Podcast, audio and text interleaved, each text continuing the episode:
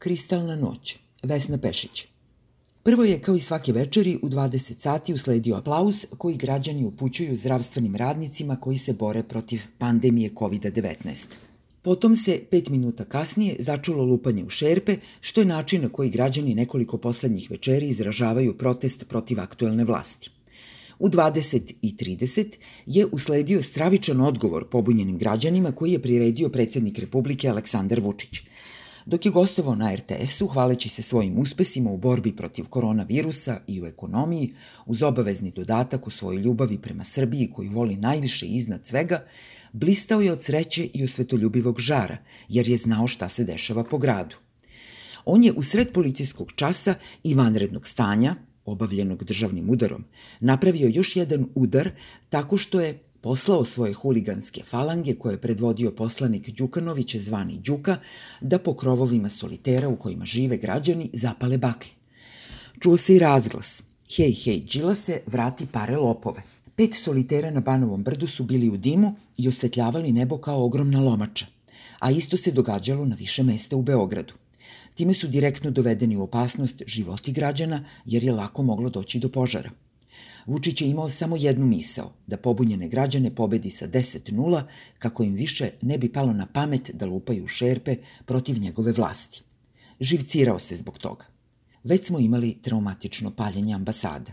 I onda i sada, buktinje i paljevine je organizovala vlast. Vučić nije mogao da izdrži šerpovanje, zar toliko ne može da izdrži, i rešio je da odgovori neronski, deset puta jače. Vi u šerpe, a ja ću da palim po vašim krovovima. A može i više da gori ako nastavite šerpovanje. Dok su građani zatvoreni u kuće već šest nedelja, državni huligani su se u sred policijskog časa baškarili po ulicama, pokazane su slike na društvenim mrežama i krenuli na krovove da mlate upaljenim bakljama.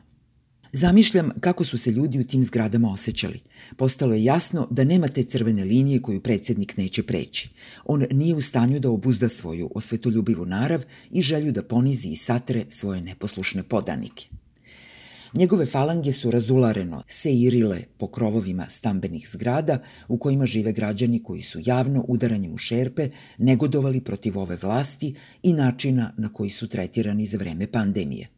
Možda je glupo da pitam da li će huligani odgovarati i biti kažnjeni, jer bi po zakonu tako moralo biti.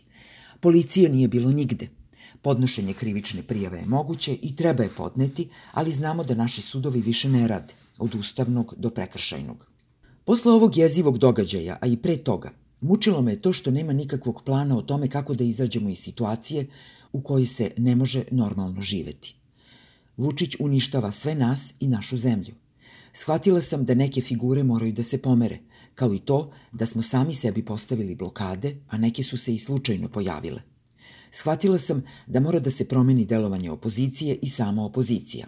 Ova kristalna noć sa paljenjem po kućama, punim zatvorenih ljudi, ne samo da je još jednom pokazala svu perverziju vladavine Aleksandra Vučića, nego je neočekivano, u stvari predugo neosvešćeno, pokazala da opozicija u liku Saveza sa Srbiju nije rešenje. Taj savez je sam po sebi problem. On ne može biti alternativa ni po jednom političkom i logičnom kriterijumu. Takva opozicija je faktor našeg bezizlaza i zato mora da se menja. To je jedno moralo da se kaže. A sada je bio moment, baš ove noći, Vučićevog vatrenog ludovanja. I da zaključim. Bezizlaz u kome se Srbija našla ne dolazi samo od Vučića, naravno da je on glavni problem, već je za takvo stanje odgovorna i nesposobna opozicija u liku Saveza za Srbiju. Istraživanja pokazuju da su lideri SZS-a nepopularni, neki su već odslužili državne poslove, neki su u lošem sećanju, a gotovo svi su bez talenta u liderstvu, bez političkih ideja, plana i strategije kako se osloboditi Vučićeve strahovlade – Kao konglomerat različitih ideoloških stranaka i grupa, Savez nije jasna politička alternativa. Radi se o sklepanoj i politički nelogičnoj skupini luzera za koju smo verovali da je samo trenutni savez za prvu pomoć, zapravo to što smo tog trenutka imali, kako bi se izdejstvovali pristojni izborni uslovi. Pokazalo se da je to zapravo koalicija koja donosi odluke konsenzusom i jedinstvo Saveza stavlja na prvo mesto – To se na dramatičan način pokazalo u vezi sa ulaskom u Narodnu skupštinu, koja je upravo zasedala povodom vanrednog stanja. Zato taj savez nije mogao da razdvoji lokalne i nacionalne izbore, što je svuda uobičajeno, i da pomogne lokalnim zajednicama da se bore za svoj životni prostor, jer bojkot izbora praktično ima smisla samo na nacionalnom nivou. Bez ljudi u lokalnim skupštinama stranke neće dobiti izbore na nacionalnom nivou. Držati se bojkota na svim nivoima kao jedine vezivne ideje loša je pozicija.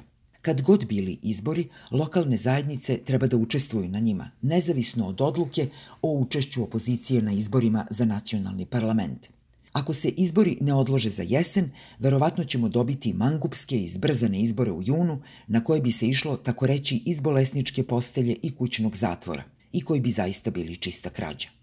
Ako se dakle izbori ne odlože, što je najverovatnije, a opozicija opravdano ne može da stigne da se za njih pregrupiše i spremi, onda bi utoliko pre u opoziciji trebalo da prevagne razum. Trebalo bi pustiti da se ljudi slobodno organizuju za izbore u svojim lokalnim zajednicama. Fleksibilan stav u vezi sa tim bi bio pokazatelj da li će te stranke ili neke od njih biti u stanju da se odmaknu od mrtvog bojkota i promene svoju političku perspektivu nekim novim i logičnijim koalicijama. Neke će verovatno odustati i nestati. Znala sam to što sam sada napisala i mnogo ranije, ali smo sve vreme politički toliko siromašni i oskudni u ljudima, pa nisam imala herca da stajem na muku ljudima koji jesu borci protiv Vučića i među kojima ima vrednih ljudi. Kako god da su se pogrešno našli u Savezu, zaslušuju respekt, jer su zaista dnevno prolazili kroz toplog zeca, stravične uvrede, laži, mučenja, progone, poniženja i reskir. Kristalna noć, onaj plamen na krovovima kuća, napravio je novo i urgentno stanje. Opozicija mora da se menja.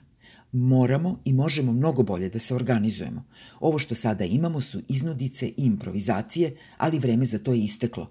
A jeste došlo neko drugo vreme i na njega treba biti spreman, ako ćemo da se otarasimo Vučićeve tiranije.